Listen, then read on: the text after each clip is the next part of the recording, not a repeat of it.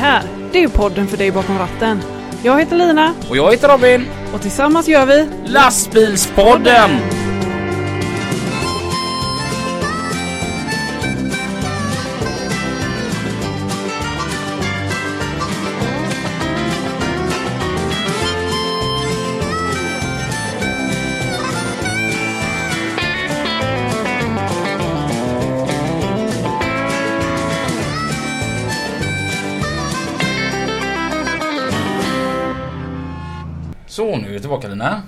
Härligt. Ja, Underbart att vara här igen. ja, Jag är jättetaggad idag. ja. För ja, vi, vi brukar ju köra lite snack först och så brukar jag dra något skämt. Men jag, jag har inte tid med det. För att, Nej. nej. Har du inget skämt idag? nej, jag har inte. Nej. Nej, för att jag har varit så himla... För att idag det är lördag och det är lördag morgon och vi har gått upp tidigt. Ja. Fått ställa klockan på en lördag. Ja, Det är ju inte alltid det händer. för att idag är vi och träffar eh, typ hjältar kan vi väl säga. Ja, De vaktar ju ändå vårat land. ja, Eller alltså våra gränser. ja. Så idag så säger vi varmt välkommen till... David. Hej David! Hej David. Välkommen till eh, lastbilspodden. Tack så mycket. Vad arbetar du med? Jag arbetar som tulltjänsteman på Tullverket i Göteborg. Som du hör på min dialekt. Ja, ja precis.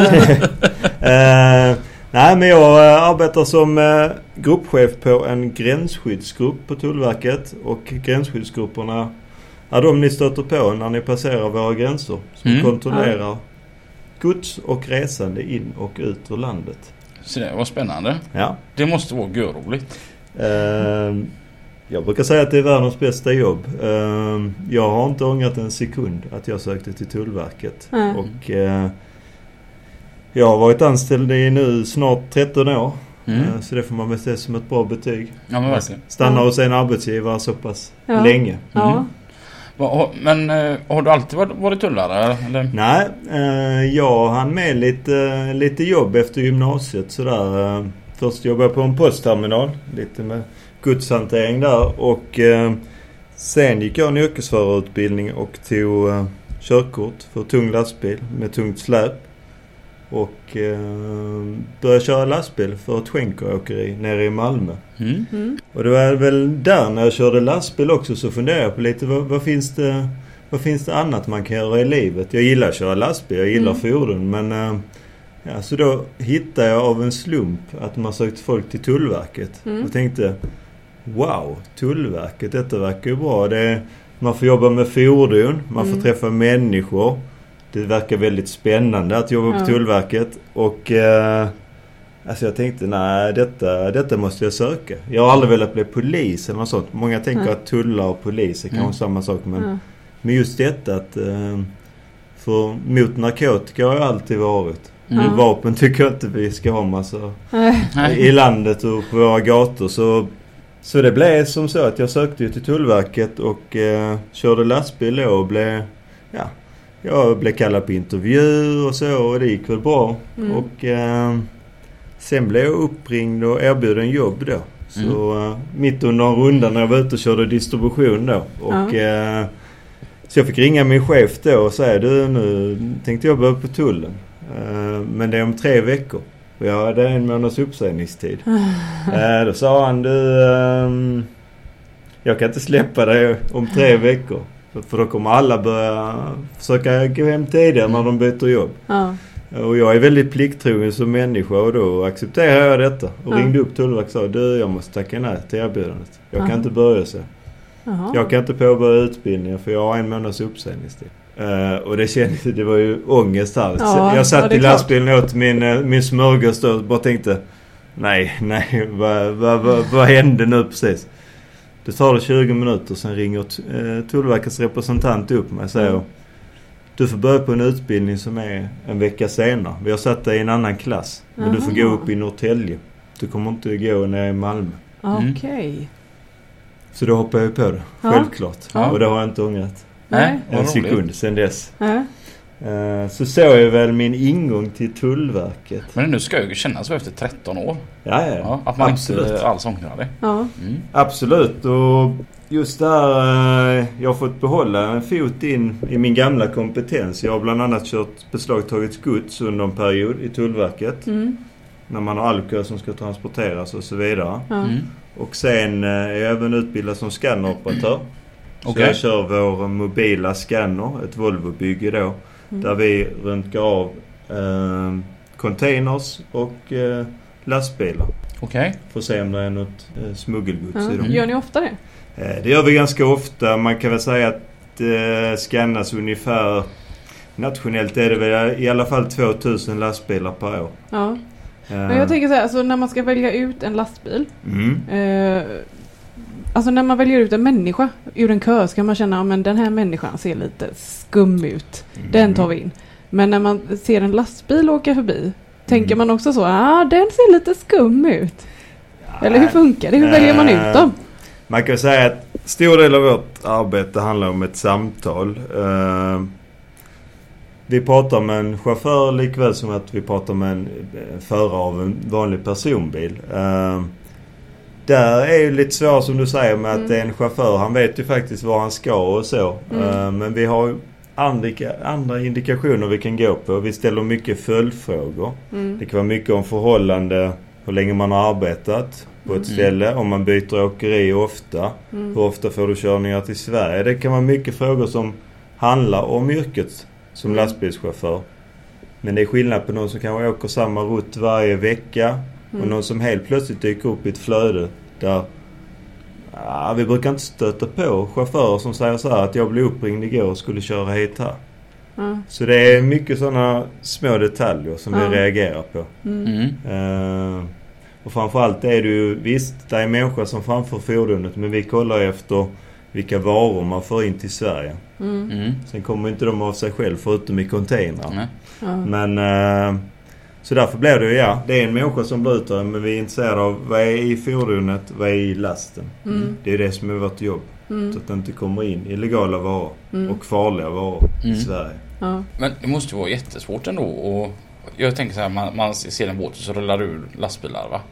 Det måste vara jättesvårt att den tar vi. Ja. Eh, Eller hur?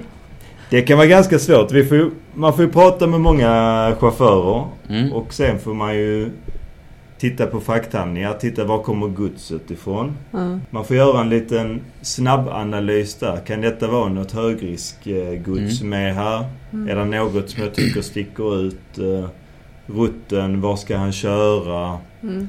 Där gör man ju ett kort samtal och sen kan man skicka ner en lastbil för en, en sekundär kontroll kan man säga. Där Mm. man får en bättre överblick. Där vi kan klättra in i lasten, man tar en titt i hytten Mm.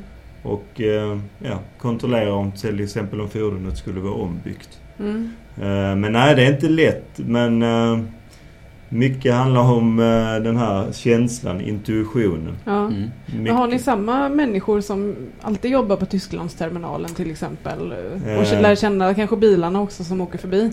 Det kan det vara men eh, man kan också jobba på en ort i Tullsverige och eh, ha ett väldigt stort arbetsområde. Okej. Att man åker ibland kanske två timmar för att genomföra kontroller. Mm. Som jag som är anställd i Göteborg kan jag åka till Halmstad en dag och jag är kanske i Jönköping på en eh, postterminal en annan dag. Mm. Ja. Och ibland är jag kanske uppe och gör kontroller vid norska gränsen. Ja. Så, ja, nej. Är det olika tider också? I olika tider. Vi jobbar, vi försöker täcka så mycket vi kan av dygnet. Ja. Eh, på de timmarna på dygnet vi har trafik. Mm. Mm. Eh, så det är skift och det är helger. Som idag när vi sitter här på Mm. en lördag. Ja. Mysigt. ja. Det var tur att det inte var lördag kväll då. Ja, Vi ses klockan 23 istället. ja precis. Ja, precis.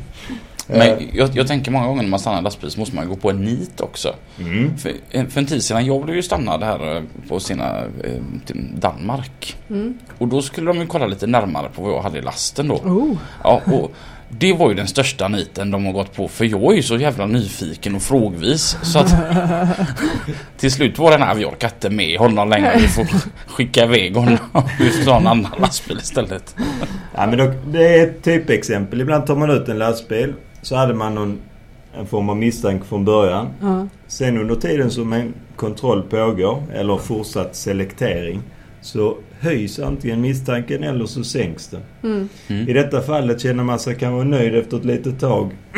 ja men vi tror inte det är något som, som är konstigt här liksom. Och då...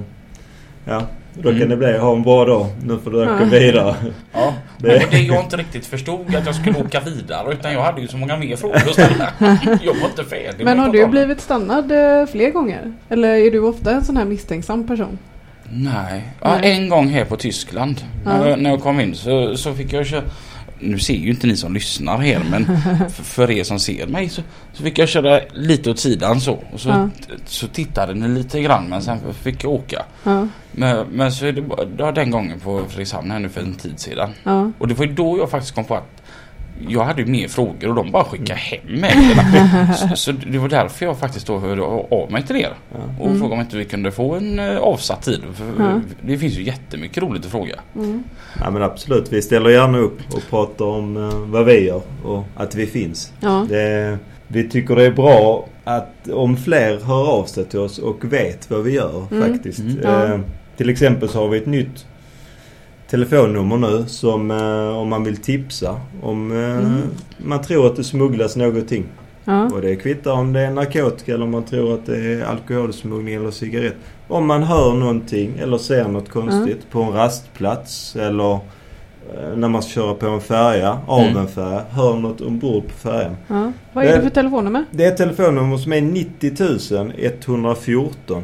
Så det är en blandning av det här gamla. Ja. Ni vet innan när man ringde 90 000. Ja. Innan 112. Och Ja. sen är det ju polisens nummer eh, 114 14. Ja, så ja. detta är 90 114. Och då kan man lämna tips till tullen om när man tror att det smugglas något. Och det är dygnet runt. Ja, och man kan vara anonym Mm. Också. Så det, och det kan vara... Tror ni att någon är rattfull? Ring. Vi har samma befogenhet som polisen. Det har vi haft sedan 2008. Ja, Att utföra rattfyllerikontroller. Mm. Och vi har även förundersökningsrätt på detta så att vi bedriver hela utredningen i efterhand också. Mm. mm, Så det går jättebra om man eh, tycker att någon faktiskt inte borde ut på vägarna. Mm. Då mm. kan man ringa och säga detta också. Ja, vad bra. ja. Så det ser vi hemskt gärna att man gör. Ja men Ja. absolut. Ja. Eh, 90 114. ja. Ja. Vad gör vi här idag då? Eh, här idag eh, har vi påbörjat dagens arbetspass med eh, att vi ska göra lite kontroller på eh, med Tysklandsfärjan här som kommer från Kiel. Mm. Eh, den brukar glida in här kvart över nio varje morgon och här är då tjänstemännen ute och selekterar i lastbilsflöde och personbilsflöde. Mm. Så det kommer börja rulla in bilar här. Vissa kommer kanske tas ut för ko- kontroll. Eh, samma med lastbilarna. Och eh, man kommer se att det springer omkring tullar lite här ute på, på planen som vi kallar det. Mm. Eh, och vi jobbar ju då... Detta är en EU-gräns. Mm. Och där kan vi knyta tillbaks till det du sa innan. Det är inte alltid man blir uttagen för kontroll. Mm. Det är vid en EU-gräns ska det vara fri rörlighet av varor. Men Tullverket har som ansvar att kontrollera att det är rätt varor som kommer in. Det ska Mm. inte vara farliga saker som vapen, narkotika, eh, granater, bomber, Mm. doping. Vi har en lista av grejer vi letar efter. Mm. Och så tjänstemännens uppgift här idag är ju att försöka förhindra att de här sakerna kommer in. Ja. Ibland har vi underrättelseinformation. Mm. Att vi tror att det är några som är mer intressanta än andra. Annars pratar vi med folk, får upp en misstanke. Det kan vara erfarenhet, intuition, Mm. riskfaktorer. Vi har något som vi kallar modus som är olika tillvägagångssätt vid smuggling. Det kan vara populärt att gömma grejer på ett visst sätt under Mm. vissa perioder. Mm. Eh, vi kan säga reservdäcket på en trailer. Mm. Mm. Ja, då kanske man vet att det har varit mycket beslag på det senaste tiden. Mm. Då kan vi kolla mycket reservdäck. Mm. Att vi går och knackar på reservdäck för att höra är det luft i dem eller är de helt fyllda av någonting annat. Mm. Ja. Så... eh, men vi har alltid en misstanke när vi tar ut ett objekt. Sen behöver det inte... Det är anledning att anta det är den lägsta misstanken man behöver ha enligt rättsväsendet. Och det är tulltjänstemans intuition och erfarenhet räcker för att få denna misstanken. Så, så när, jag, när jag blev stannad där på kontroll så var det liksom inte bara en rutinkontroll utan det fanns en misstanke mot mig. Ja, eller mot det godset du förde med dig. I detta fallet att man tror att eh, någon kan ha placerat Ja. narkotika till exempel i det Ja. du hade med dig. Vad Mm. var det du körde den? eh, Jag, jag kör ju Eller- jag kör ju, eh, försäkringsbilar. Mm. Eh, Ärenden. Då kan det vara så att tulltjänstemannen tänkte att okej, någon av de här bilarna kanske står skriven på en person som håller på med narkotikatransporter. Mm. Så där kan vara bipackad narkotika i en bil som du kör Mm. i din biltransport. Hur Och- funkar det då? Om man liksom åker fast för det? Eh. Då är man ju egentligen inte skyldig. Nej, då inleds det en förundersökning och eh, det är såklart en åklagare som leder den. Och eh, det kan bli att man är misstänkt för ett brott i början Mm. och att man sedan skrivs av från Mm. misstanken. Eh, däremot kan det ta ett tag. Men så man kan faktiskt bli misstänkt som lastbilschaufför om man har saker i trailern som man inte kände till. Mm. Men sen finns det så mycket vi gör i en brottsutredning. Vi kan kolla efter DNA och fingeravtryck och allt Mm. möjligt. Mm. Annan teknisk bevisning. Och den här bevisningen används ju både för att fria och fälla. Mm. Mm. Så är det alltid med i, i utredningssituationer att det är objektiviteten som är Ja. viktigast. Både grejer som är till gagn för den misstänkte och som... Ja. Men vad har du för tips till eh, men de som kör mycket genom gränser? Mm. Eh, som är oskyldiga. Men Mm. alltså vad ska man söka efter om man tror att man har blivit eh, en... Eh, vad heter det? Ja men, En kurir eller? eh, ja, men alltså att eh, man blir utnyttjad. Ja. För att smuggla fast man Eh. inte vet om det. Vad ska man söka efter? Alltså Vad- det, det man ska kanske vara uppmärksam på eh, och där är jag helt säker på att många redan sköter detta bra. Men det är ju, har man... Säg att man har stått och väntat på en färja och det var lite väntetid där några timmar. Man kan ju kolla, har någon, eh, har någon slängt in någon väska precis innanför trailerdörrarna? Mm. Man kan ju kolla pallboxarna. ja. Det finns alltså situationer där folk har bara slängt in väskor i icke låsta utrymme. Mm, Mm. På trailern till exempel. mm, Och sen kör de efter till närmsta rastplats. mm, När någon går in, ska gå på toaletten, då plockar de ut väskorna. Det Mm. tar två minuter. mm, Så därför kan man ju kolla av. Jag förstår att man inte kan kolla av hela sin last varje Mm. gång man har stannat. ja, Men man kan i alla fall kolla, särskilt om man har en plombad trailer. ja, Mm. Kolla, är den uppklippt innan du kör på färjan? Då Ja. ska du bli misstänksam. ja. Men säg att man är ute och åker. Man känner att Mm. det är någon som följer efter mig. Mm. Vart ringer jag då? Eller vad gör jag? Eh, då kan du... Känner man att det är så pass allvarligt att man tror att någon ska försöka ta tillbaks något här. Eh, Mm. jag hade ju rekommenderat ändå 112 direkt. Man kan Ja. ringa 90 114. Men kanske har vi inte folk som kan hjälpa med det just då. Ja. Med tanke på Mm. att Tullverket är en ganska liten myndighet. Ja, Särskilt sen vi gick med i EU och ja, vi släppte mer och mer på gränserna Mm. i Sverige Ja. kan man säga. Eh, I alla fall för att vi, vi ska inte hindra den legala införseln Nej. av varor. Uh, därför står vi inte här alltid heller. nej. Eh, så därför finns vi kanske inte i tjänst där man behöver hjälp. Så är man förföljd och så följer med en in på rastplats eller alltså Mm, tycker att det känns, nej detta känns inte bra. Ring 112. mm, Mm. Jag, jag är helt säker på att polisen hade tagit det på allvar. ja, Och där finns ju folk som har gjort detta särskilt nere i Europa. Att de, mm, Mm. Att eh, de tror att de har råkat ut för de här grejerna. mm, Vad, vad letar man efter? Alltså det, om man säger så, jag, jag tänker så här att narkotika, vapen, alltså det, det är ju Mm. självklart. mm, Men det måste ju finnas mer. Jo, det är ju massa grejer som är införselsreglerade i Sverige. Det kan vara allting. Vi säger om man tar in djur. Mm. ja. Om det är sällskapsdjur så är det vissa regler. Är det för handel så är det andra. Du måste ha papper i ordning. Du måste vara från en godkänd anläggning. Mm, Vi har ju alkohol. mm, som privatperson eller även om man kör kommersiellt. Du Mm. måste ha rätt syfte med införseln. Mm. Alkohol är inte olagligt. Men det du får in över en gräns ska vara för ditt eget bruk. Är Mm. det inte det så ska du ha papper på att det är en godkänd mottagare som tar emot alkoholen. mm, Och Tullverket ska kunna säga också att det är en säkerhet på att punktskatten kommer att bli betald. ja. Alltså att eh, det kommer att skattas i Sverige innan det går ut på fria marknaden. mm, Så det är statusen på alkoholen som är viktig där. Mm. Ehm, sen är det såklart samma med cigaretter. Det får man också ta in för eget bruk. mm, Men eh, ska man sälja vidare och det inte är skattat på rätt sätt mm, så är det samma sak. Det är att man undandrar sig skatter och avgifter. Och det är, tullen är ju den myndighet som ska dra in mm, tullavgifter och skatter och avgifter på varor som kommer in i Sverige. Så ni gör lite fotarbete åt Skattemyndigheten då? Ja, vi samarbetar med Skattemyndigheten. Det är, bland annat eh, momsberäkning och sånt är ju överflyttat till dem. Mm. Tullavgifterna kvarstår hos tullen. Så tar man in en vara utanför EU in Mm. till Sverige. Mm. Det gäller inte inom EU för då får man ju föra varor hur man vill. Mm.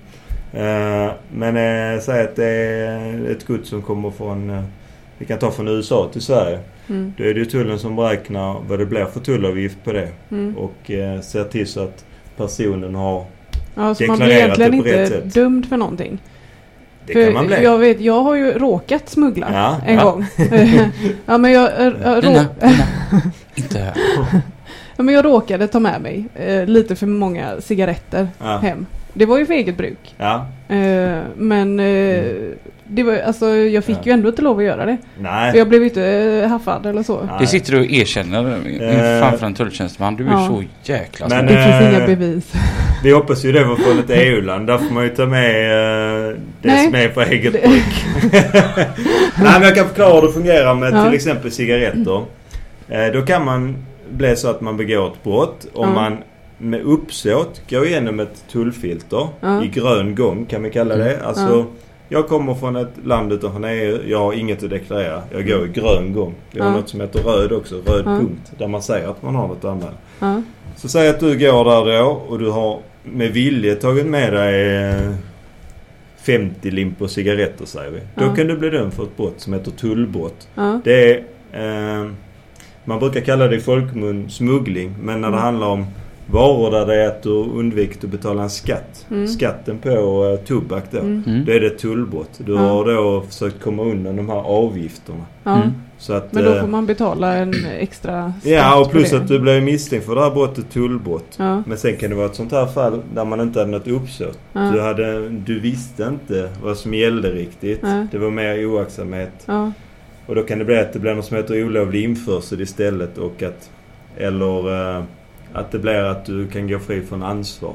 Ja. Mm. Även om du har råkat göra fel. Sen kan man ju faktiskt gå och säga till också. Säga du, jag vet inte riktigt vad som gäller här. Ja.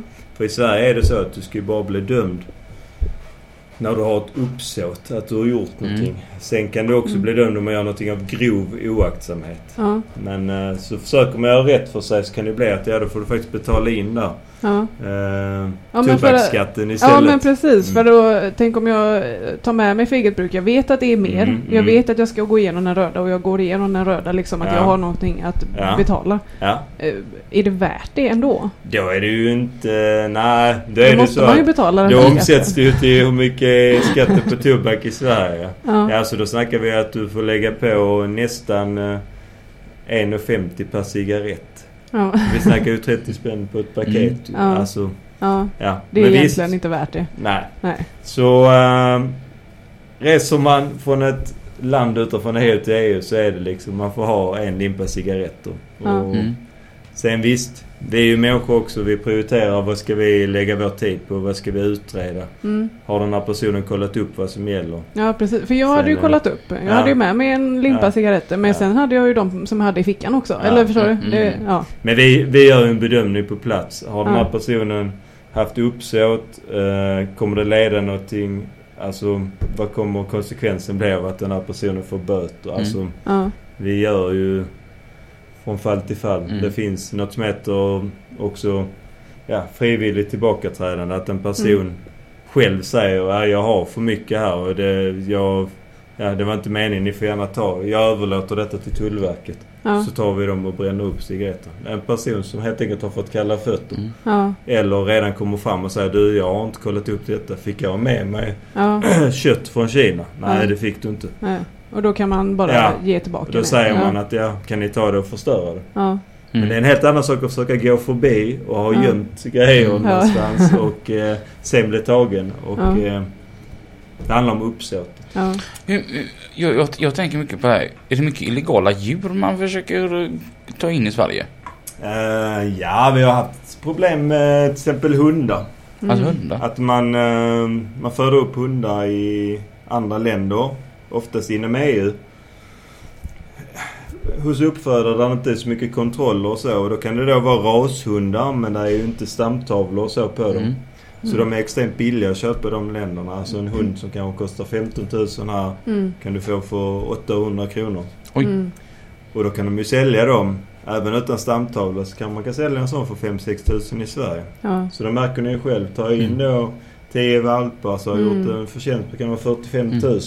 Ja. Det är ju, du behöver inte ens köra narkotika. Nej. Du kör ju hundar. Det känns ju ganska oskyldigt. Mm. Ja. Tills de blir sjuka. Eller tar in sjukdomar till Ja. Sverige.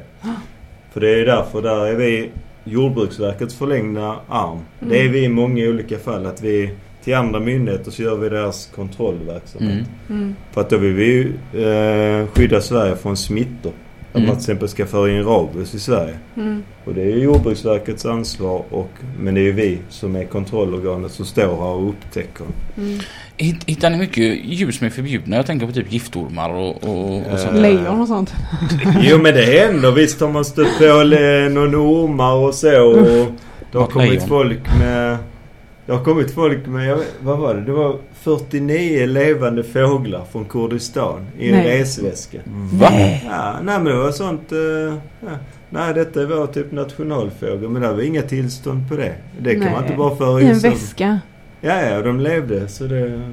Ja. Usch. Det tråkiga där är ju att har någon åkt väldigt långt från ett annat land så är det inte alltid möjligt att föra ut djuren igen.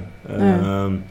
Jordbruksverket kan besluta att man ska återutföra djuren men ibland Mm. kanske inte ägaren vill det eller han har Mm. inte möjlighet att ens köpa en ny biljett. Mm. Och man kan inte, alltså sätta djur i karantän är jättedyrt. Mm. Så i detta fallet med fåglarna så blev de ju tyvärr avlivade.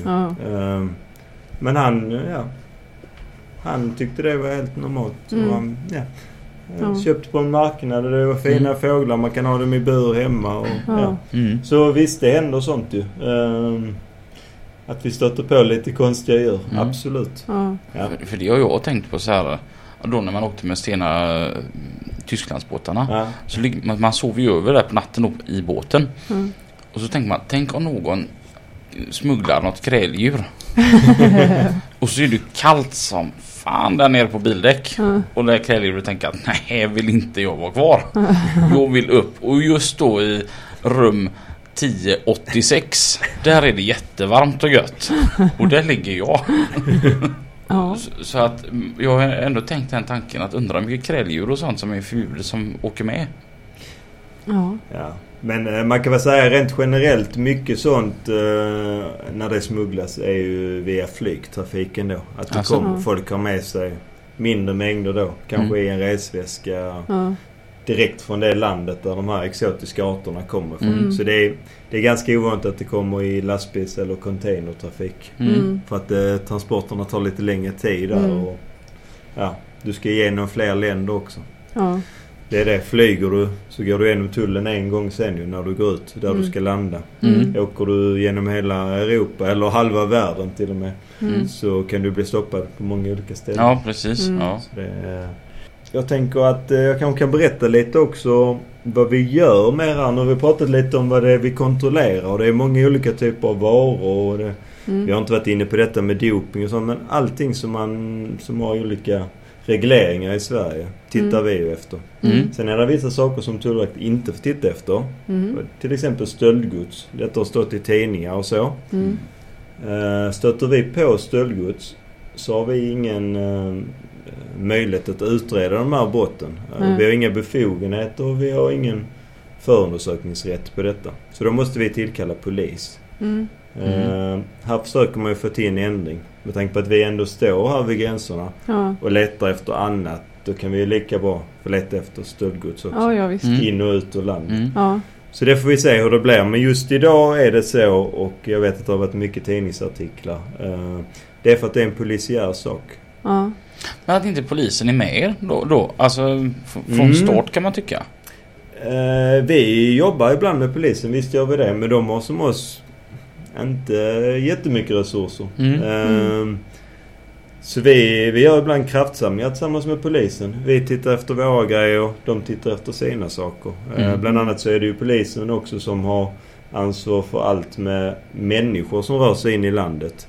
Mm. Det är lätt att tänka kanske att det är tullen men det är ju polisen, gränspolisen som kontrollerar om en person har rätt att eh, åka in i Mm. Sverige. Eh, Men vi samarbetar mycket med polisen. Eh, Vi samarbetar även med Kustbevakningen. Eh, Vi kan kontrollera efter varor och så. De gör sina lastsäkringskontroller. Mm. Det vet jag inte, det kan man råka ut för som eh, yrkeschaufför också. Att Mm. Kustbevakningen står där helt plötsligt och ska kolla in i bilen. Ja. Just det, det har jag sett. Mm. Ja. Och eh, nej men så vi har ganska bra samarbete och eh, även, eh, vi pratade om punktskatter innan. Eh, alkohol och tobak har speciella skatter i Sverige och även eh, brännolja, alltså diesel. Mm. Mm. De här varorna får vi lov att kontrollera i hela Sverige. Så ni kan bli stoppade av en tullare ute på vägen. Okej. Mm. Vi kan stoppa en lastbil och dra in den på en rastplats för att se om man transporterar alkohol för kommersiellt bruk. Och då ska Mm. man ha papper med sig som visar att det är en godkänd mottagare och att det Ja. är en ställd säkerhet för att den här punktskatten ska betalas in innan Mm. det släpps ut på fria marknaden. Ja. Detta är något man införde i och med EU-inträdet. För Ja. att man tillverkar alkohol på olika ställen i EU. Mm. Och så gick det inte bara att folk körde omkring hur som helst med de här varorna och ingen Mm. visste riktigt var, var det skulle skattas. Mm. Därför införde man regler för det här och då det är det Tullverkets uppgift att sköta de här kontrollerna i hela landet. Mm. Så vi åker omkring på vägar och utför punktskattekontroller. Mm. Ibland Mm. helt själva. Och ibland så passar vi på att samarbeta med polisen som då kan Mm. göra till exempel bilinspektioner. Ja. Deras inspektörer och eh, trafikpolisen kanske väger. Mm. Så är man ute och kör så kan man stöta på inte bara polisen utan tullen också. Mm. Och man kan bli invinkad. Eh, Tullverket har blåljus på sina bilar. Mm. Vi gör stoppsignal. Mm. Man kan bli indragen på en rastplats. Mm. Så eh, det är kanske inte många som känner till det men vi har, vi har rätt att verka i hela landet när det gäller till de, de här varorna. Jobb, jobbar ni mycket på det viset? Att, alltså att ni inte är vid gränser utan att ni är inrikes och åker och stannar fordon? Det händer. Eh, med tanke på att vi heller inte eh, täcker varenda gränsöverfart i Sverige hela tiden. Vi har vissa luckor i och med EU och fri rörlighet och mindre personal än vad vi hade för 20 år sedan. Mm. Eh, så blir det att har vi tid över här mellan de färger, ja då kan vi vara ute och försöka stoppa någon kommersiell transport Mm. som, eh, där man har försökt undvika det här, betala in skatterna. Mm. Mm. Som eh, man transporterar alkohol helt utan papper. Det kan vara en hel trailer fylld. Eh, som eh, sen ska säljas illegalt Mm. Mm. vid sidan om. Så eh, det mesta jag har varit med om vid en sån kontroll det var eh, nere i Skåne. Här stoppade vi en, eh, en lastbil med släp. Lite sånt här mindre släp. Det var 18 plus 18 pallar. Eh, ren starksprit, bara vodka. Oh. Oj! Och det var ett sånt tillfälle att där var ändå papper på att ja, det skulle till något ställe. Men Mm. det skulle till ett företag i Stockholm inom stålindustrin som absolut inte har några tillstånd att eh, Ja. handha alkohol. Ja. Däremot så hade de försökt slå sig in på den banan men blivit av med sina tillstånd. Jaha. Alltså som en slags eh, importör av alkohol som sen Ja. säljer vidare. Ja. Men eh, när denna transporten skedde så hade de för länge sedan blivit av med sina tillstånd. Okej. Så det var ju sånt vid Mm. sidan om. Ja. Ja. Det är lite pengar i det om vi snackar Ja, det- 36, ja, det- 36 Ja. pallar vodka. ja, det kan jag ju tänka. Vilken företagsfest. Ja. Nej, så vi blev lite överraskade där själv faktiskt. eh, måste jag ändå säga. ja. Nej men annars när, eh, när det kommer till de här kontrollerna så gör vi det i mån av tid i alla fall. Mm. Eh, men vi har ju många ansvarsområden. Vi, jag som jobbar på en gränsskyddsgrupp här i Göteborg kan ju kontrollera färjan här med lastbilar och personbilar och Ja. sen kanske vi åker till Landvetter och kollar flygresenärer. Mm. Och så kollar vi kurirgods som kommer in på våra omlastningsterminaler. DHL, Jaha. UPS. Okej. Tullen Ja. har rätt att göra kontroller på allt utlandsgods som kommer in till Sverige. Ja. På det första stället där det sorteras. Ja. Så här i Göteborgsområdet så har vi en del terminaler vi kan åka till. Mm. Där det lastas av från lastbil. Sen står vi i flödet när det ska, ska sorteras ut för distribution och Mm. gör kontroller där. Det måste vara, det måste vara nål i höstack. Principen där. Eh, där får man gå mycket på känsla. Det är känna, känna och klämma på paketen och Ja. så. Det är julafton. Ja. ja, precis. Så eh, nej, där är vi delegerade att då eh, med postöppningsbeslut att vi får lov att ta ett beslut för att öppna ja. någons post vid misstanke. Och där Ja. innefattas då kurirgods eh, Ja. också. Men det var en grej som du, nu såg du något, eh, någonting som jag kom att tänka på. Mm. För att, och så öppnar ni paketet. Mm. Om ni inte hittar någonting så tejpas det bara igen. Ja, vi lägger ner en liten lapp som säger att tullen har varit här. Vi har enligt denna befogenheten så har vi Okej. Eh, sen är detta en rutin som... Eh, nu har den väl börjat fungera fullt ut liksom. Men eh, i normalfallet ska det ligga en lapp och ska det sitta tulltejp då ju. Ja, nej, för min mamma hade nämligen fått paket från Australien. Ja, ja, och det var Och- bara tulltejp kanske. Ja, ja det, det var ju öppnat. Hon bara, jag, jag, jag tror att tullen har tittat i Ja. detta. Men det fanns ingen lapp i. Ja.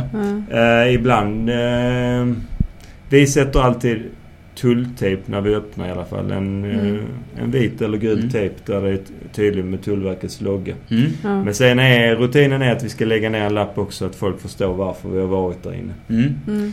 Mm. För eh, post är lite uh, heligt i Sverige. Det, Mm. det är ändå något privat. Jo men så Ja. är det ju. Eh, Mm. sen är det... Tullverket måste kunna utföra sitt jobb också. Det är därför vi har fått det här förmyndigandet. Mm. Eh, postanställda kan ju inte gå och öppna posten. Nej. Nej. De får i alla fall inte öppna någon post. Men Mm. vi har faktiskt fått att vi får ta ett beslut. Eller att en överordnad tar ett beslut. Ja, du får lov att öppna den här försändelsen. Mm. Så det är, men det är ett beslut som dokumenteras varje gång. Mm. Att vi har Ja. tagit beslutet. Mm. Mm. ja. Mm. Men alltså om vi går tillbaka till eh, tull, alltså att, att jobba Mm. med er. Eller som, som tull, Ja. tulltjänsteman heter det va? Mm. Ja. Vem är tulltjänsteman? Alltså eh, hur, hur blir man den perfekta tulltjänstemannen? Vad ska man ha för bakgrund? Det är ju det som är så himla roligt tycker jag. Att vi har ju folk från alla möjliga branscher Ja. som kommer hit. ja. Och vi vill ha den här mångsidigheten. Mm. Vissa kanske har jobbat någonstans inom rättsväsendet, varit ordningsvakt. Någon annan har jobbat som eh, transportledare på något eh, logistikföretag. Mm. Någon annan har jobbat inom psykiatrin. Vi har folk från alla möjliga ställen. Vi har ju några som har varit bilmekaniker och Ja. alla bakgrunder är bra. Ja. Och eh, jag tror att eh, med tanke på att det finns så många olika typer av smugglare Mm. så kan inte vi heller bara vara stöpta i samma form, alla tullar. Nej. Vi måste Nej, ha olika erfarenheter, Ja. olika ingångsvinklar. Mm. Därför är det aldrig för sent att eh, komma på att man kanske vill bli tullare oavsett vad man har för bakgrund. Ja. Eh, vi tar in folk här till vår grundutbildning. Mm. Den är då ett år utbildningen, en betald utbildning. Man är anställd hos Tullverket. Mm. Till skillnad från till exempel polisen när man går och studerar och tar lån. Här, Mm. här är man anställd. En ettårig anställning. Mm. Där man har betalt lön då. Och Mm. klarar du den då så blir du tills vidare anställd. Okej. Okej. Och då går ju lönen upp lite såklart. Mm. Ja. Eh, nej, så eh, vi har folk som är 23, 24, 25 år. Vi har folk som är upp eh, 45 årsåldern. Ja. Jag skulle väl tro att snittet ligger runt eh, 30-32 år något sånt när man blir anställd idag. Mm. Men det är liksom Ja. aldrig för sent. Vi har tagit in folk som är 50 år fyllda också. Ja.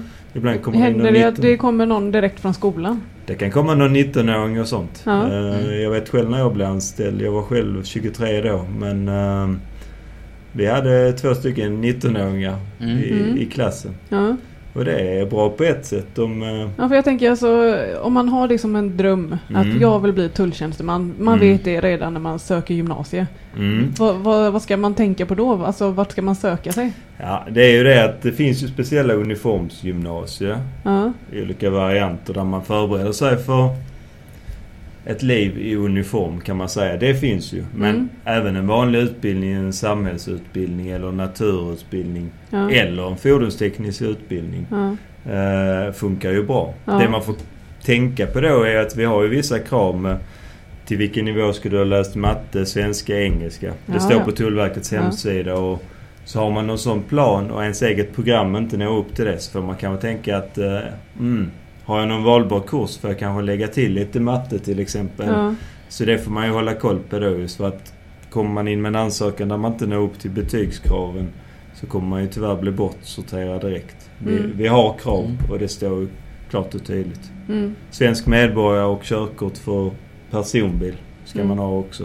Mm. Men annars är det väldigt olika bakgrund. Vissa har jättemånga högskolepoäng, vissa har inga alls. Mm. Några har gjort värnplikt, den andra har inte gjort det. Ja. Ja. Mm. Det är, men eh, vi vill att man ska i alla fall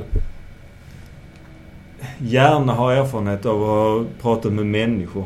Så Mm. har man haft något jobb, det kan vara att sitta i kassan på ICA. Mm. Men alla de här, det här just att prata med människor. eh, Mm. För det är så stor del av, vår jobb, av Mm. vårt jobb att prata med folk. Så om man säger som jag och Lina då va? Jag, Mm. jag är ju lastbilschaufför och Lina är trafikledare och Mm. vi pratar ju rätt mycket Ja. med nya människor. Mm. ja. Så då kan vi bli tull- tullare. Ja, det kan man. Ni, ni är varmt välkomna att söka. Jag körde ju som, som sagt lastbil innan jag började här och eh, jag körde ju mycket distribution då och det var ju kunder hit och dit och företag och gott Ja. snack så. Ja. Sen var det konfliktsituationer ibland när man var lite sen. Mm. Folk är ju inte så glada då. Eller att Nej. man inte hann hämta upp någonting eh, på eftermiddagen. Så man fick ju lösa lite konflikter också. Men mycket gott snack också. Men just det här att eh, kunna gå in och prata med folk. Vissa har ju Mm. inte det riktigt. Nej. Eh, Men är det några fysiska krav? Jag, jag skulle precis säga det, har ni fystest? Eh, Då har vi faktiskt infört fyskrav från och med detta året. Så det är nytt. Jaha, Eh, ja. Men det är också för att det ställs högre krav på oss tulltjänstemän idag Ja. än vad det gjorde förr. Vi, vi har eh, självskyddsutrustning, vi har batong, Ja. vi har pepparspray, Ja. eh, vi går omkring i skyddsväst. Mm. Ja. Det är lite ja, tyngre utrustning. Vi har vissa tulltjänstemän som är beväpnade med pistol. Jaha. Inte till uniform så passerar ni gränsen här så ser ni inte beväpnade tullar så. Ja. Men i vår, eh, eh, i vår spaningsverksamhet Ja. på den avdelningen. Ja. Ja, för hur eh, ser hotbilden ut mot tulltjänstemän? Eh, hotbilden, eh, den varierar. Ja. Men såklart när man jobbar mot grovt kriminella så är det alltid en hotbild. Ja. Och man kan vara på fel plats vid fel tidpunkt. Ja. Eh, och eh, med tanke på vår spaningsverksamhet fokuserar såklart på organisationer Mm. som håller på med smuggling. Ja. Mm. Och eh, jag har redan tagit beslut på att när man jobbar i de projekten och i de ärendena Mm. så får man ett beväpningsbeslut. Okej. Eh, för att man jobbar mycket ensam också. Man kan hamna Mm. i trångmål. Eh, Och det är inte säkert att de här eh, misstänkta personerna ens vet att man är tullare. De kan tro att man är en konkurrent. Ja. De kan tro att man är en polis. Ja.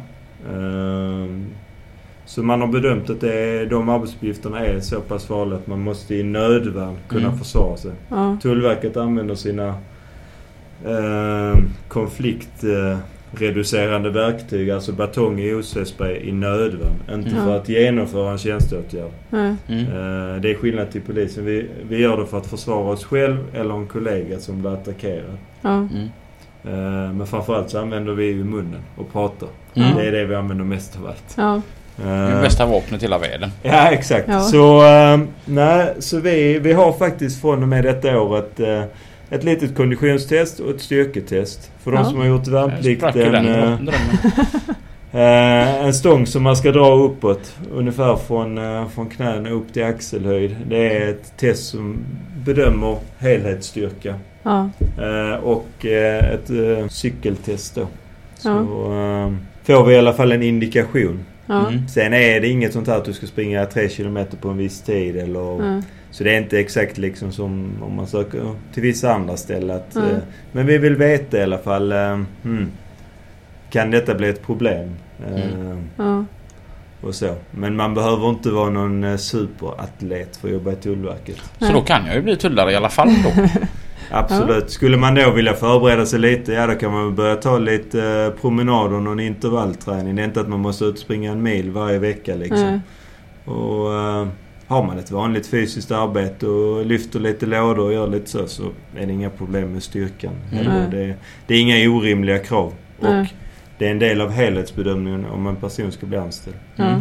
Och detta är då vid det skedet att man har blivit kallad till eh, Rekryteringsmyndigheten som Mm. Tullverket har hjälp av för att eh, man ska prata med en psykolog och man får Ja. göra de här testerna. Ja. Så det är ju vid ett lite senare skede av eh, i rekryteringen. Ja. Så Mm. blir man då skickad på de här. Men Ja. är man i normal fysik så, så Mm. så klarar man det. Ja. Hur många nya tulltjänstemän får vi varje år? Eh, det kan variera. Om vi pratar nationellt så kan det vara, vi säger nu tulltjänstemän som ska jobba ute med gränsskydd. Ja. Det som jag gör Mm. och mina kollegor här ute i Göteborgshamnen. Eh, då är det cirka 60 till 80 tjänstemän. Mm. Ibland något rekord har man väl varit uppe i 100. Mm. Men eh, sen får ni tänka på att detta har precis börjat komma igång. Man har börjat prata mer om tullen. Man har Ja. förstått att vi fyller en viktig roll i Sveriges skydd Mm. Mm. eh, för samhället. Och eh, därför har det nu blivit mer att vi har fått ökade anslag. Man har förstått att vi är viktiga i eh, vapenuppdraget. Alltså Mm. att få bort vapen från gatorna Mm. genom Mm. att hindra stora transporter redan vid gränsen.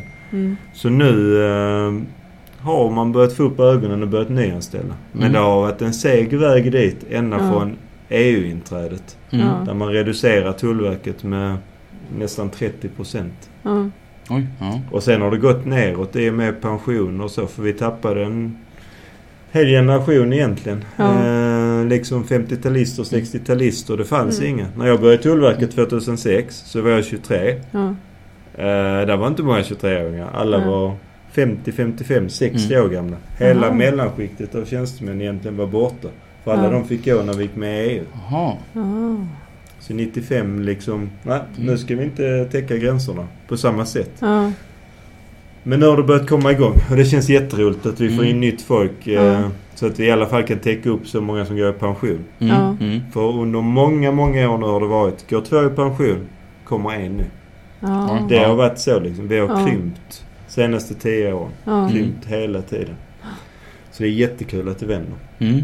Ja, det förstår jag. Vad är det som händer här på utsidan Ja, det som nu? händer Om vi tittar lite ut. nu. eh, Nu sitter vi ju här i värmen men eh, man har en lastbil här. Det ser ut som att det kan vara en spansk lastbil faktiskt. Eh, Och en kyltrailer på den. Så antagligen har man fått en misstanke här och vill eh, titta vidare lite i lasten. Mm. Så den har fått dröja kvar här på en kontroll. Eh, Mm. Och då gör vi en bedömning. Hur ska vi gå vidare? Vill vi lasta ut något gods? Vill Mm. vi kanske eh, köra och eh, röntga den här lastbilen? Mm. Nu har vi inte vår mobila scanner här idag men eh, vi har ju alltid möjlighet att kunna eh, dra bort en lastbil för en Mm. vidare kontroll Mm. på ett annat ställe där vi har lättare. Jag tänker på det när jag ser kyltrailer. Läkemedel, är det vanligt att man smugglar? Eh, läkemedel är relativt vanligt att man får in utan att ha tillstånd. Och då snackar vi framförallt eh, narkotikaklassade läkemedel. Mm. Eh, det är vanligt att man eh, köper på sig det i större mängder i länder där det är lättare att få ut det. Mm. Det är mycket ångestdämpande antidepressiva och det har ju en stor marknad här Mm. Mm. i Norden. Mm. Så där är stora pengar att tjäna och det är en sån smuggling som vi har sett har ökat senaste åren också. Okej, ja. För det är ju... Gemene man ser kanske inte det så riktigt som narkotika. Det är ju Mm. medicin. Men det finns faktiskt en anledning varför man behöver recept i Sverige och gå och träffa Mm. en doktor för att Mm. få en sån här medicin. Ja. För det är ju biverkningar självklart. Mm. Och, eh, men det, det har ökat. Vi Mm. gör stora beslag eh, av tabletter av olika slag. Mm. Mm. Mm. Va- Hur, hur brukar bemötandet från chaufförerna vara när ni stannar? Eh, jag tycker generellt att många chaufförer har, bemöter oss bra.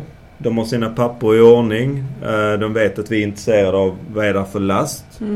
Man kan visa fram transporthandlingar, ett CMR där Mm. det står var kommer godset ifrån, var är det på väg. Mm.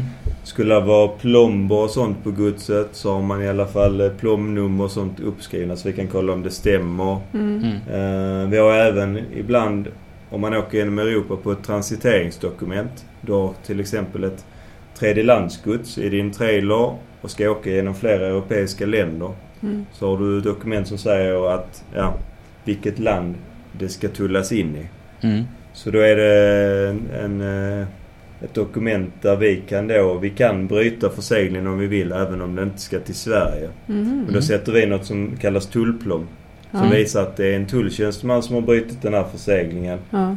Och där försäkrar vi att inget har försvunnit ur lasten. Mm.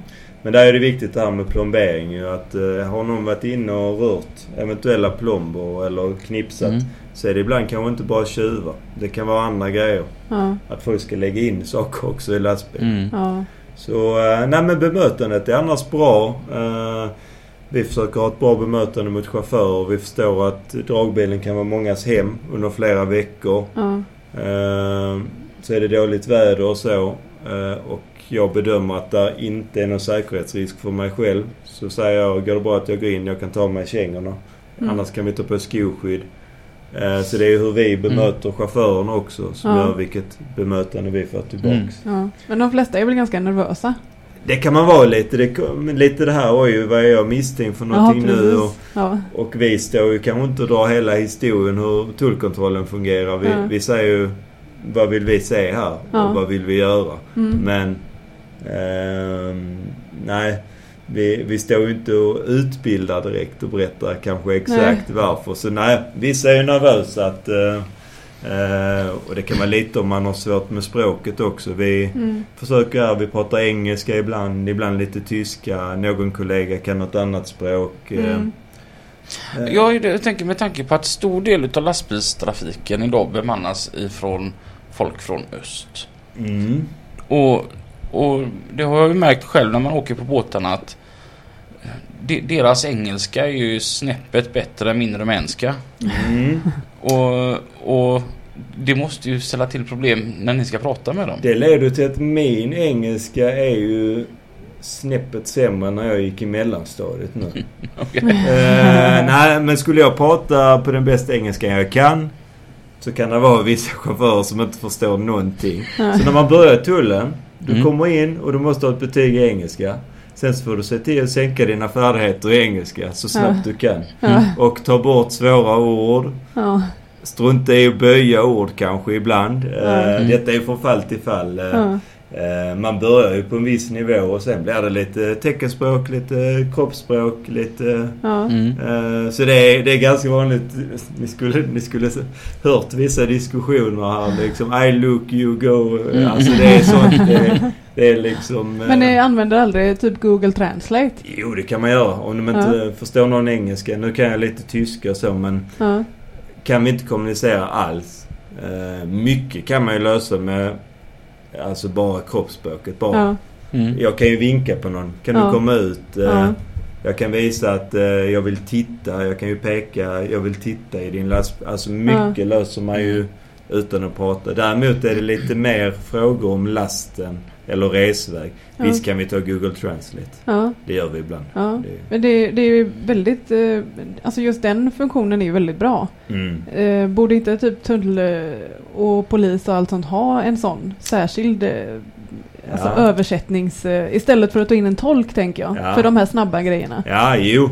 Eh, tolka är ju ganska dyrt såklart. Ja. Så nej men vi löser ju mycket själv men vi hade ju kunnat ta något smidigare. Någon smidigare app eller något Ja, sånt. Det hade precis. inte varit dumt. Men Google Translate det kom ju rätt grymt nu, fick jag se bara för några veckor sedan. Mm. Att du kan tala till den och så översätter den och säger på svenska. Jajamän, jajamän. För, för det, det kom fram en chaufför till mig Ja.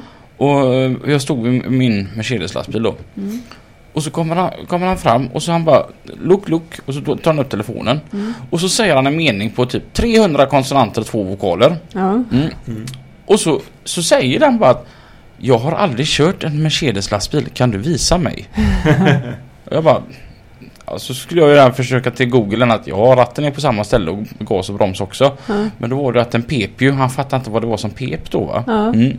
Så fick jag visa dem, men jag tyckte det var rätt fräckt att han kunde prata sitt språk i telefonen och så översatte den direkt till Ja. mig. ja, men den har jag testat också när jag var i Polen. Mm. För då pratade jag med någon taxichaufför där och han kunde inte engelska. Eh, och då pratade vi via eh, Google Translate. Mm. Funkade jättebra och han blev jätteimponerad för han hade aldrig sett den eh, appen innan. Ja. Jag blev också det. Ja, Nej men vi, eh, som sagt, vi, vi, vi gör det vi kan. Och skulle det sen bli en situation där någon är till exempel misstänkt för ett brott eller något sånt. mm.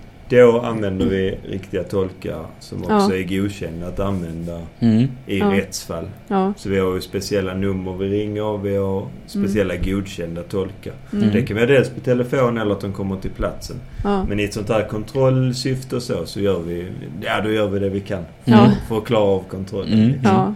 Ehm, Han fick åka igen den där lastbilen. Ja, de var nog nöjda. Det blev en liten sån här eh, kontroll nere på plattan. En sekundär kontroll. Mm. Ja. Eh, de har klättrat in i lasten. Kollat att, eh, ja, ser det enhetligt, enhetligt ut? Var det något emballage kanske som var upprivet? Ja. Om man gömt någonting så kan det vara att emballaget är brutet på någon pall. Mm. Ja. Man har inte lyckats få ihop det på ett snyggt sätt. Eh, vi kollar efter, är det manipulerat? Är det ombyggt? Mm. Har trailern ett dubbelgolv? Har man eh, byggt Mm. ett golv mellan balkarna längsgående? Mm. Sådana bitar kollar man och det är mycket Titta med ögonen, lysa med Mm. ficklampa, Ja. använda händerna, banka, slå. Ja. Ganska primitiva metoder men man kommer väldigt långt Mm. utan Ja. att skruva i sönder en hel lastbil. Ja. Är det vanligt det med du- dubbla golv i? Eh, det är relativt vanligt förekommande. Eh, då är det oftast en trailer som går flera, flera gånger till exempel. Mhm. Eller en dragbil. Mm. Eh, Och där är ju utrymme både i en dragbil och en trailer som eh, är redan fördelaktiga att liksom manipulera från början. Nu kommer jag inte gå in på exakt vilka ställen men vi säger en trailer i golvet som jag redan har nämnt att eh, det är så stor golvyta ju. Om du då skulle sänka golvet på något ställe där det är lite svårt att se Mm. Mm. så självklart får du in väldigt mycket narkotika där. Ja. Eh, och vi råkar ut för allt möjligt. Lufttankarna på en trailer. Ja, då har de satt en extra lufttank som inte är inkopplad. Jaha. Ja. Där går eh, slangar och så, men den fyller ingen funktion. Den var ju smart. Så hoppas de på att tullarna inte vet om det ska vara enkla eller dubbla lufttankar på den modellen. Ja. Eh, så vi, vi försöker tänka som smugglarna och överlista dem. Ja. Men det måste ju vara görsvårt. Det hade jag aldrig tänkt på. Nej, nej, men det är därför. Skulle, skulle jag vara ute nu så är det stor chans att jag hade krypt omkring på den blöta asfalten här och så pyste Ja. ut luft ur varenda lufttank. Ja. Och jag hade bankat på däck och jag Mm. hade bankat på tankar. Ja. Men Det, Är det en fördel om man kanske har varit smugglare innan? det kan det säkert vara. Kan man lägga in det i det har, CV? det har ju varit några som hört av sig. Jag har, jag har hållit på med detta länge och sånt. Ja. Men nej, man ska vara ostraffad om man söker till Tullverket. Ja, ja. Eh, Ja men är man en ostraffad smugglare Ja, så ja. måste det vara en jättebra grej på CV. Man kan gärna komma in med lite tips. Sen, eh, sen tror jag inte att det är så stor chans att du får jobba. Men eh, Men händer det som, jag tänker som så här att vi har person ett här. Han ska smuggla. mm. För han har kommit på det bästa sättet. Det är så vattentätt detta. Mm. Och det är så säkert så det här kommer ni aldrig se du och dina kollegor. Mm. Och så kommer han här. Och han är ju, han är ju inte dugg nervös för han vet att ni kommer ju aldrig hitta det. Ja. Och, och så blir du ena så här lite nostalgisk och bara Åh det, det gamla tricket det var länge sedan. Vad, vad kul att det fortfarande lever. Händer det så att, att folk tänker att nu, nu har de överlistat och så är det ett jättevanligt gammalt knep? Jo men absolut. Vi... Har man jobbat här ett tag så har man sett ganska många olika saker. Ja. Och det är ju många grejer som går igen. Att Mm. eh, ett tag så smugglas det mycket reservdäck. Sen kan det vara lite tomt där ett tag. Ja. Sen så kommer det några nya aktörer. Ah, Mm. reservdäck, det är jättebra. Eller äh, gömma i bränsletanken, det är jättebra. Sen till slut så har vi då tagit några sådana bilar. Så de har blivit av med lasterna. Oj, Mm. de visste visst att man kunde kolla där. så jo, där kan vara sådana grejer de kan nog känna sig väldigt eh, Väldigt nöjda ibland att de ska ha hittat något, eh, eh, något bra ställe liksom. Ja. Har vi några kollegor som rullade in här också här ute som eh, har varit och kollat alla som har gått av färjan som eh, Ah. gångtrafikanter då. Jaha Ja. okej. Så Ja. vi har ju dels alla fordon men även de som går av Ja. färjorna. Mm. Så, Använder ni hundar då? eh, vi har haft hundsök där uppe som ska Ja. hjälpa oss att selektera. Ja. Mm. Och vi kan även använda hund till eh, lastbilar och personbilar. Okej, ja. Ja. Så våra hundar är tränade i alla fordonslag som vi kontrollerar. Ja. Mm. Vad, vad sniffar de efter? Är det sprängämnen och narkotika? Eh, de eller? sniffar ju, det är ju kombinationshundar som är inlärda på olika narkotikapreparat och Mm. på vapen och ammunition. Mm. Och explosiva ämnen. Så Ja. det är, har du en handgranat så ska hunden kunna ta den. Och Ja. är det en pistol ska den hitta det. Ja. Och amfetamin, kokain, heroin. All, Ja. Alla de... Men händer det alltså att folk smugglar bomber? Alltså, Det, det, det är klart det händer. Sen är det ju inte jättevanligt. Men eh, att tullen har tagit, stött på handgranater har hänt flertal Ja. tillfällen. Och jag vet att det har varit tillfällen någon gång med till exempel minor. Från gamla krigsdrabbade lan- länder Ja. så har folk tagit in minor. Okej. Och det är ju inte jättekul att ha en sån under sin bil och sen rulla iväg. Nej. Så att den går av. Ja. Så, ehm, men det vanligaste i vapenväg så är ändå vanliga pistoler. Mm. Att det tas. Men även automatvapen Ja. eh, Mm. tar ju tullen. Så Mm. det är... ehm, Mm, det är ett svårt uppdrag men viktigt uppdrag. Men jag, jag, jag känner så här. När ni tar in någon och så, så gör ni liksom månadens fynd. Då. Mm. Vare sig det var är vapen eller eh, narkotika eller vad det må vara. Mm. Hur känner du då? Alltså jag, jag, jag tänker så här att Känner man sig yes, vi, nu har vi verkligen lyckats. Känner man sig ledsen över att det här kunde nått, uh, nått våra gator? Eller känner man en, en usch, det var nära att det just Mm. nådde våra gator, ungdomar och, och mera?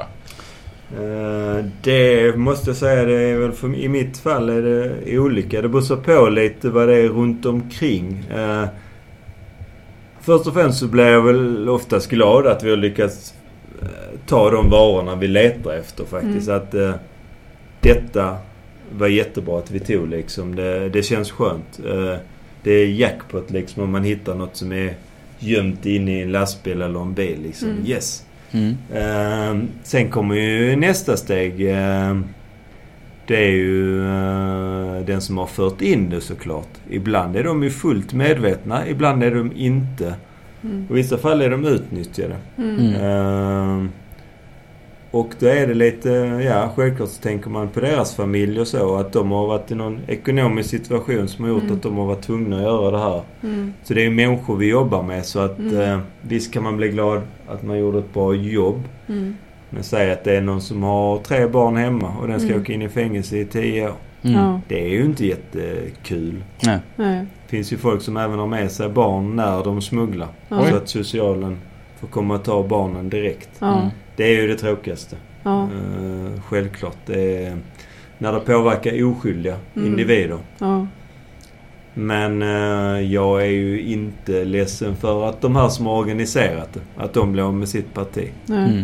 Det känns ju skönt att kunna störa ut den verksamheten. Ja. De har kanske blivit av med miljontals kronor. Ja. Mm. Det är ju, eh, så den känslan är bra. Men det har mycket att göra med vem sitter i det här fordonet eller vem hade med sig den här väskan. Ja. Där får man ju ändå känna empati för Ja. den här individen. Ja. Eh, om det inte är någon sån som har planerat allting själv och gör detta liksom eh, egen fri vilja. Mm. Eh, då kanske jag inte får de känslorna såklart. Mm. Ja. Eh, Brukar ni fira när ni har gjort ett stort tillslag? Så här, applådera lite till varandra? Visst kan man göra det. Det är ju en tradition. Ja. Att eh, gör man ett riktigt bra beslag och så, allt gick bra och nu tar man in en lastbil här och får en vidare kontroll i garaget. Eh, Ja. Får vi se om det utmynnar i något. Ja. Ja. I näs, nästa poddinslag. ja, precis.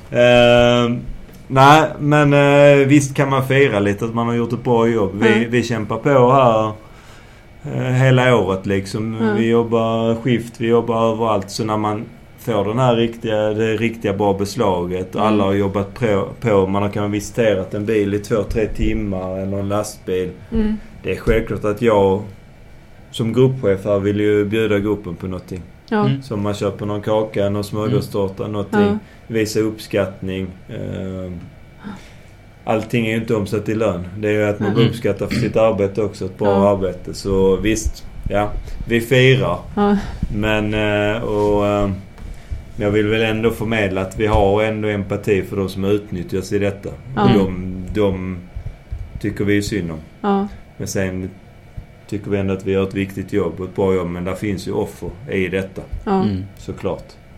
Vad är det konstigaste du har hittat? Det konstigaste... eh, Alltså jag har varit med om en del grejer nu under mina, under mina 13 år men... Eh, konstigt, vi har pratat, vi pratade lite om fåglar och sånt innan ju men... Eh, konstigaste, ja. Eh, Men händer det att folk försöker smuggla någonting som inte behöver smugglas? Ja, Ja. det händer. Eh, Det var en bra fråga. Ibland, eh, ja, men det var något tillfälle här för ett år sedan så var det en kollega då på gruppen som eh, tog ut en kille som var jättenervös för kontroll och sånt. Då hade han i, i kalsongerna då gömt en påse med tabletter. Mm. Och så, så kollade vi upp. Då var det ju en substans som inte ens är... eh, den är inte narkotikaklassad i Sverige. Den är, den är det idag, men den var Ja. inte det då. Nej. Men det var något som hade börjat missbrukas men i Sverige var det bara receptbelagt. Ja. Inom EU-trafik så kollar inte vi efter receptbelagd medicin. Ska man ta in det till EU så är det hårt att man har recept. Ja. Men inom EU så har vi inte det uppdraget. Ja. Så den här killen hade gått och han smugglade något Ja. som... Och sen gav vi bara tillbaks påsen. Ja. Ha en bra dag. Så han bara blev helt chockad. Bara, bara, ja, det är klart. för detta är någonting som man tog då för att eh, upphöja effekten av det man missbrukar. Ja. Så det är en eh, medicin som ökar de här effekterna Mm. av den drogen. Ah, Okej. Ja. Eh, behöver inte gå in på exakt vad det var. Men idag Ja. är det narkotikaklassat. Ja. Så det är typ ett sånt, du vet man blir helt chockad. Han har smugglat något sen. Ja. Nej det, det var inget liksom. Men nej, annars har jag varit med om lite konstiga grejer. Alltså så här liksom. ja, man, man träffar mycket människor i detta jobbet. Och jag Mm. vet, Mm. vissa kontroller kan ju dra ut på tiden. Och Ja, eh, man kan, ja, lite ungdomar och sånt som man tar ut för kontroll. De har aldrig varit i en sån här situation. Vissa Nej. blir ju oroliga men Ja. Vissa är ju sjukt avslappnade. De har inget att dölja och sånt. Så, ja, det konstigaste jag har varit med om så det var väl en kontroll som drog ut på tiden. Nere vid Öresundsbron då. Så lät vi de här personerna sitta och vänta på några stolar i, i vårt visitationsutrymme och så kontrollerar vi deras bil då. Då är det en av de här tjejerna då. Hon är kanske 18-19 år då. Hon börjar jula inne i vårt, våra visitationslokaler. Alltså vi har sådana här bänkar där man kan lägga upp väskor. Hon börjar jula där helt plötsligt. Flera gånger så Va? fram så. Mm. Du vet så bara... Då tänker man vad, vad är detta liksom? Ja. Men det finns ju ingen lag mot att man inte får jula. alltså vi hade ju kollat om Ja, ja. ja. hon hade någonting med sig. Du vet så det är sådana grejer bara liksom. Ja, Folk beter sig Det lite finns underligt. många Ja. fria själar här i, i världen liksom så... Uh, sen har någon gång råkat ut för någon rolig grej också. Vi, eh, jag jobbade en del på Öresundstågen innan när jag bodde i Skåne. Innan jag flyttade till Göte, Göteborg för två och ett halvt år sedan. Uh, jobbade civilklädd. Uh, stod och spanade efter narkotikasmugglare på tåget då. Mm. Och så hade jag kollegor som kom gående i uniform. De hade narkotikasökund. Så jag stod och tittade lite se om det är någon som reagerar. Oj, nu kommer hunden. Så jag Mm. stod och tittade lite så här mellan sätena och oj, nu kommer hunden och du vet så. Och försökte se om någon annan reagerar. Mm. Då är det en kille som börjar gå som står bredvid mig. Mot toaletten då på tåget. Så jag går ifatt honom, lägger handen på axeln. Och så vänder honom och lägger mig. Tullen. Då säger han bara Fan, jag trodde du hade grejer också. Så han tänkte gå och spola ner eh, cannabis som han hade Ja. på sig. Ja. Och han tyckte att jag verkade nojig då som stod och tittade ut så här i Ah. gången för att se om tullen är här. Men jag stod och kollade efter personer som skulle reagera på att det kommer Ja. narkotikasökande. Så han trodde jag hade grejer. Vi har alltså stått en meter från varandra. Mm. Kanske fem sex minuter. Ja. Och han har inte fattat att jag är tullare. Och sen när jag lägger handen där. Tänk dig känslan då när han vänder och så. Så, st- så stod tullen där liksom. Ja. Så, så det är mycket sådana grejer som man kan skratta åt i efterhand. Ja. Liksom att eh, det, det blir ganska märkligt detta. Ja. Jag trodde du hade grejer också. Nej men jag försökte ju smälta in där ju. Man Ja, du har ändå gjort ett bra med jobb. någon luvtröja och så liksom. Och Ja. lite... Mm. Eh, ja. Jo men då har du ändå gjort ett bra jobb om de tror att du, du är en av dem. Ja, absolut. Nej, men... nej. sen är det ju många kontroller som slutar ganska bra liksom. Ja. Eh, att man kan bli lite överraskad. Oj, vad bra detta blev. Även när någon har åkt fast och fått böter så Ja. kanske de kommer och vill skaka hand. Att Ja. tacka för ett bra bemötande. Mm. Ja. Det är ganska fint i dagens samhälle tycker jag. Ja. Och det är ett bra betyg för oss tullare. Ja. Det har hänt flera gånger liksom att... Ja, ja, det var tråkigt att vi träffades så här men Mm. tack så mycket, ha en bra dag. Ja. Mm. Och det är ju den attityden vi försöker ha mot folk Ja. alltid också. Ja, men, precis. Ja. men det är roligt när det håller hela vägen. Ja. Mm. ja, skönt. Men håller hela vägen gör det inte alltid. Ja, nej. Eh, jag råkade ut för en, eh, en dansk lastbilschaufför en gång. Detta var ju 2009 tror jag. Ja. Eh, han blev uttagen och jag tänkte göra nykterhetsprov på honom. Alltså ett sållningsprov med dräger då. Samma som polisen har för att kolla om man är rattfull. Ja. Och den här killen då han eh, sitter kvar i lastbilen så tar han ner rutan lite. Eh, säger han bara du får inte blåsa mig.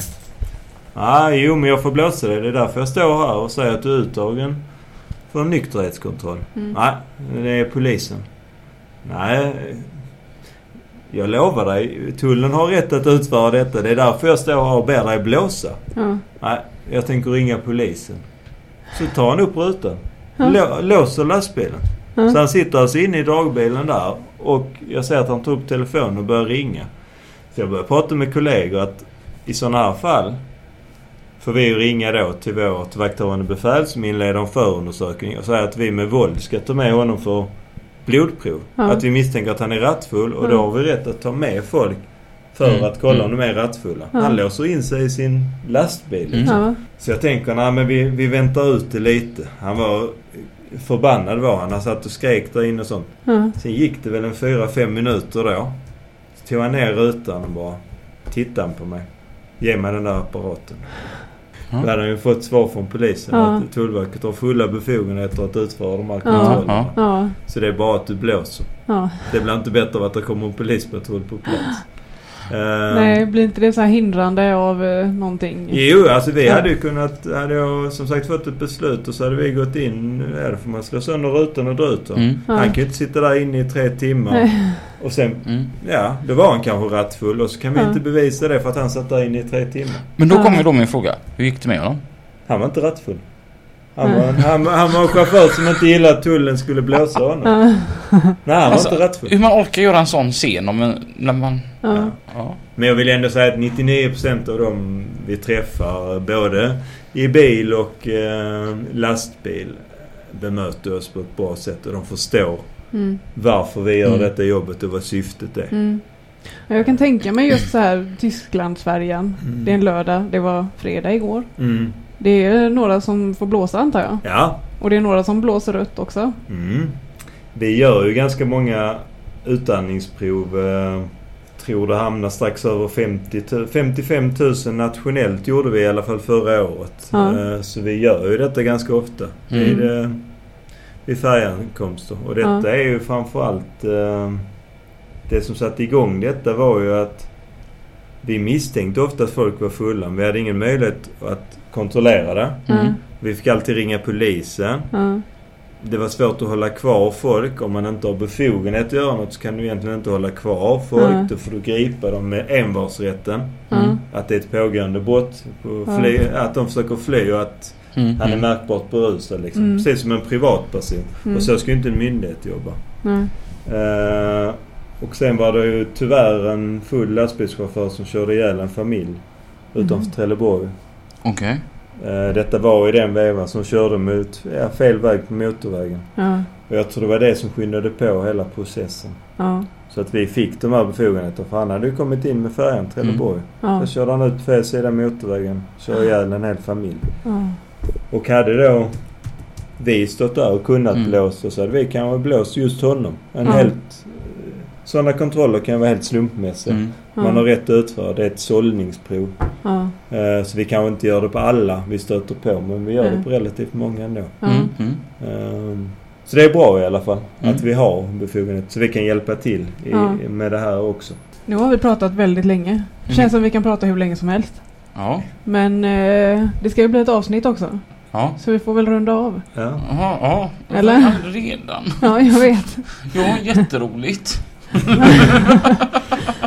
Ja, men vi kanske kan göra ett till. Vi kan göra uh, tull, uh, tullen nummer två. Ja, vi kanske kan komma tillbaka Till- komma tillbaka, ja. det, Ja. Det här, om, om vi får för David. För det Ja. hade varit jätteroligt. Ja. Jag det tycker jag är skoj. Ja, väldigt spännande. Ja. Ja. Men det är jättekul att få varit med och prata om eh, det jobbet som jag tycker är roligast i världen i Ja. alla fall. Och, eh, Och du kanske har inspirerat några andra som lyssnar på detta. Ja förhoppningsvis. Det, det är bara att söka och glöm inte ringa 90 114 när ni ser något skumt. Nej, precis. Och Ja. skulle ni få en körning och det här ser inte ut att stämma.